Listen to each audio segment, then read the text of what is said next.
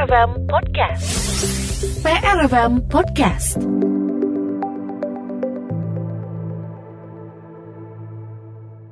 Assalamualaikum Pak Hoirizi, selamat sore.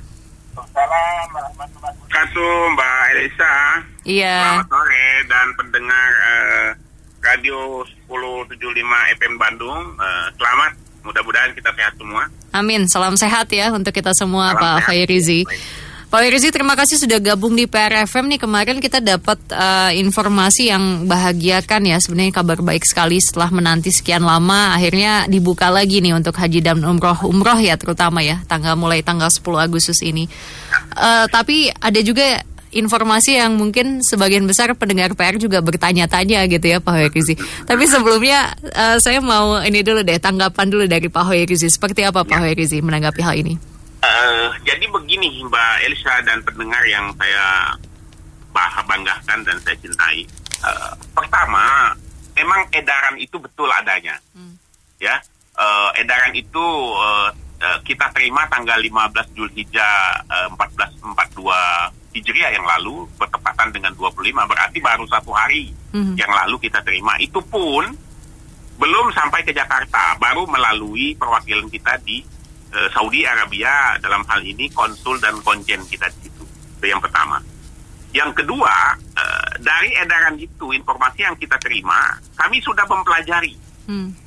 isi edaran tersebut untuk kita eh, lakukan langkah-langkah. Paling tidak ada tiga hal yang harus kita eh, kita sikapi. Pertama tentang suspend. Karena kita masuk eh, sembilan satu satu di antara sembilan negara yang tersuspend. Itu itu dulu yang pertama. Yang kedua adalah posisi eh, vaksin kita, Sinovac kita. Yang ketiga adalah tentang eh, apa protokol Mm-mm. ketika kita akan melaksanakan umroh hari ini. Nah, maka itulah di dalam edaran itu kita belum mendapatkan secara detil protokolnya. Dan itu belum sampai secara resmi ke pemerintah. Maka itu kita sedang eh, melakukan langkah-langkah. Langkah apa yang sudah kita lakukan? Saya meminta kepada perwakilan kita di Saudi, di Jeddah, kepada konjen dan konsul kita untuk segera melakukan koordinasi dengan ke- Kementerian eh, Haji Arab Saudi dalam hal ini deputi umrohnya. Apa yang dimaksud dengan edaran itu? Kira-kira begitu, Mbak. Hmm, oke baik. Jadi artinya untuk saat ini dari tiga hal ini ya, eh, Pak Hoirizi kemarin kan eh, kami sempat berbincang juga ya dengan salah satu dengan Ketua Asosiasi Penyelenggara Haji dan Umroh Ampuri Jawa Barat itu Pak Asep Bisma Supriyatna. Artinya kan ini sudah ada informasi yang masuk. Kami juga akhirnya berasumsi begitu ya Pak ya. Ya. Eh, satu dari negara suspend, waduh ini jangan-jangan berarti kita artinya mungkin kalau sudah begini ada kenaikan biaya haji dan umroh nantinya karena eh, kita ini nggak bisa jadi tempat isolasi begitu ya Pak ya. Pak Hoirizi sendiri menilainya seperti apa Pak? Untuk Eh, yang poin Mbak- pertama ya. Apa Mbak? Apa? Siapa sih? Lupa. Alexa, Pak. Mbak Alexa. Alexa. eh, ada tidak ada isolasi? Ada tidak ada eh, COVID hari ini? Tentu eh, kos pasti eh, akan meningkat. Maka tadi saya katakan tadi akibat dari protokol tadi pasti biayanya meningkat. Nah, untuk itulah kita meminta kepada pemerintah Arab Saudi untuk sedetil apa sih eh, protokol yang akan kita jalani? Eh, yang jelas kalau kita berangkat hari ini tentu suka tidak suka biaya pasti meningkat. Suka tidak suka biaya pasti meningkat. Ada atau tidak karantina? Kenapa saya katakan akan meningkat? Eh, karena protokol COVID tidak bisa kita hindari. New normal hari ini harus kita jalani. Maka itulah eh, saya Mbak Mbak Alexa, Insya Allah kami dalam waktu dekat ini akan menyampaikan hal itu atau berkoordinasi atau eh, komunikasi kepada seluruh penyelenggara, mobil khusus kepada asosiasi, bagaimana kita menyikapi eh, informasi edaran yang sudah ada ini. Hmm. Kalau mungkin ya Pak Hoirizi, eh, kalau dilihat gitu mungkin adakah patokan dasar Pak berapa gitu. Jadi kita kira-kira bisa bisa menyiapkan lah dari sekarang ini kan tinggal menghitung hari ya artinya menuju bulan eh, tanggal 10 Agustus 1 Muharram ini Pak. Eh, kita belum belum punya punya patokan sama sekali mbak karena Hmm. eh, apa edaran itu sam- masih sangat sangat apa sangat global, sangat uh, apa belum belum secara secara implisit mengatakan Indonesia, gitu. Nah, Mm. mereka mengatakan bahwa sekali lagi bahwa di dalam penyelenggaraan haji yang ya penyelenggaraan umroh yang insya Allah akan dibuka tanggal 10 nanti ada sembilan negara yang belum dimungkinkan untuk bisa eh, mengirimkan jemaahnya secara langsung. Nah, satu di antaranya itu Indonesia. Maka itulah kita ingin tahu Ya. apa sih yang dimaksud dengan karantina eh, di negara transit kemudian 14 hari itu kan itu kan harus kita pelajari dulu Betul, betul. maka itu sekali lagi saya meminta kepada jemaah kita wabil khusus masyarakat eh, apa pada umumnya masyarakat Indonesia untuk bersabar eh, menyikapi eh, informasi ini jangan sampai ter apa ter eh, terganggu tergoda oleh eh, informasi-informasi hoak yang ada di medsos Betul. sehingga menimbulkan kegaduhan-kegaduhan baru. Ya.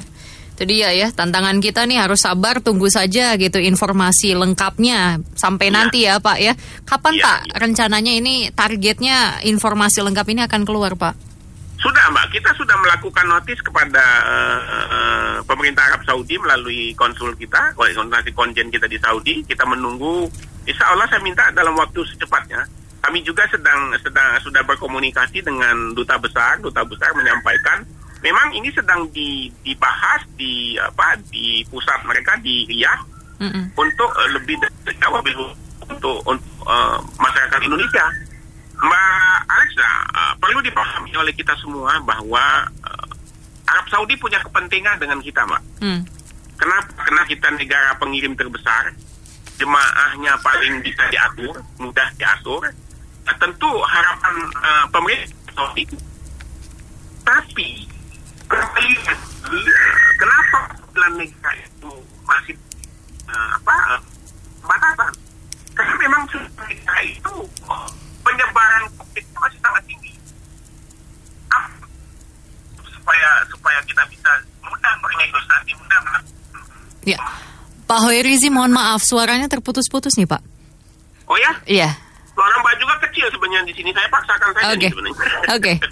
Sekarang sudah mulai ini lagi Pak, sudah normal lagi. Silahkan Pak. Bisa Baik. diteruskan. Mm-mm. Jadi usaha kita adalah bagaimana kita menekan penyebaran COVID yang ada di tanah air yang sampai hari ini, eh, alhamdulillah kita kita lihat ada ada ada pelandaian.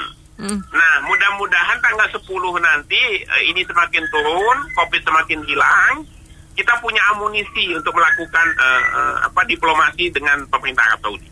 Oke, baik. Pak Irzi, terkait juga dengan eh, vaksin ya Pak ya. Kalau tadi poin kedua yang disampaikan Pak Irzi adalah vaksin Sinovac itu Pak.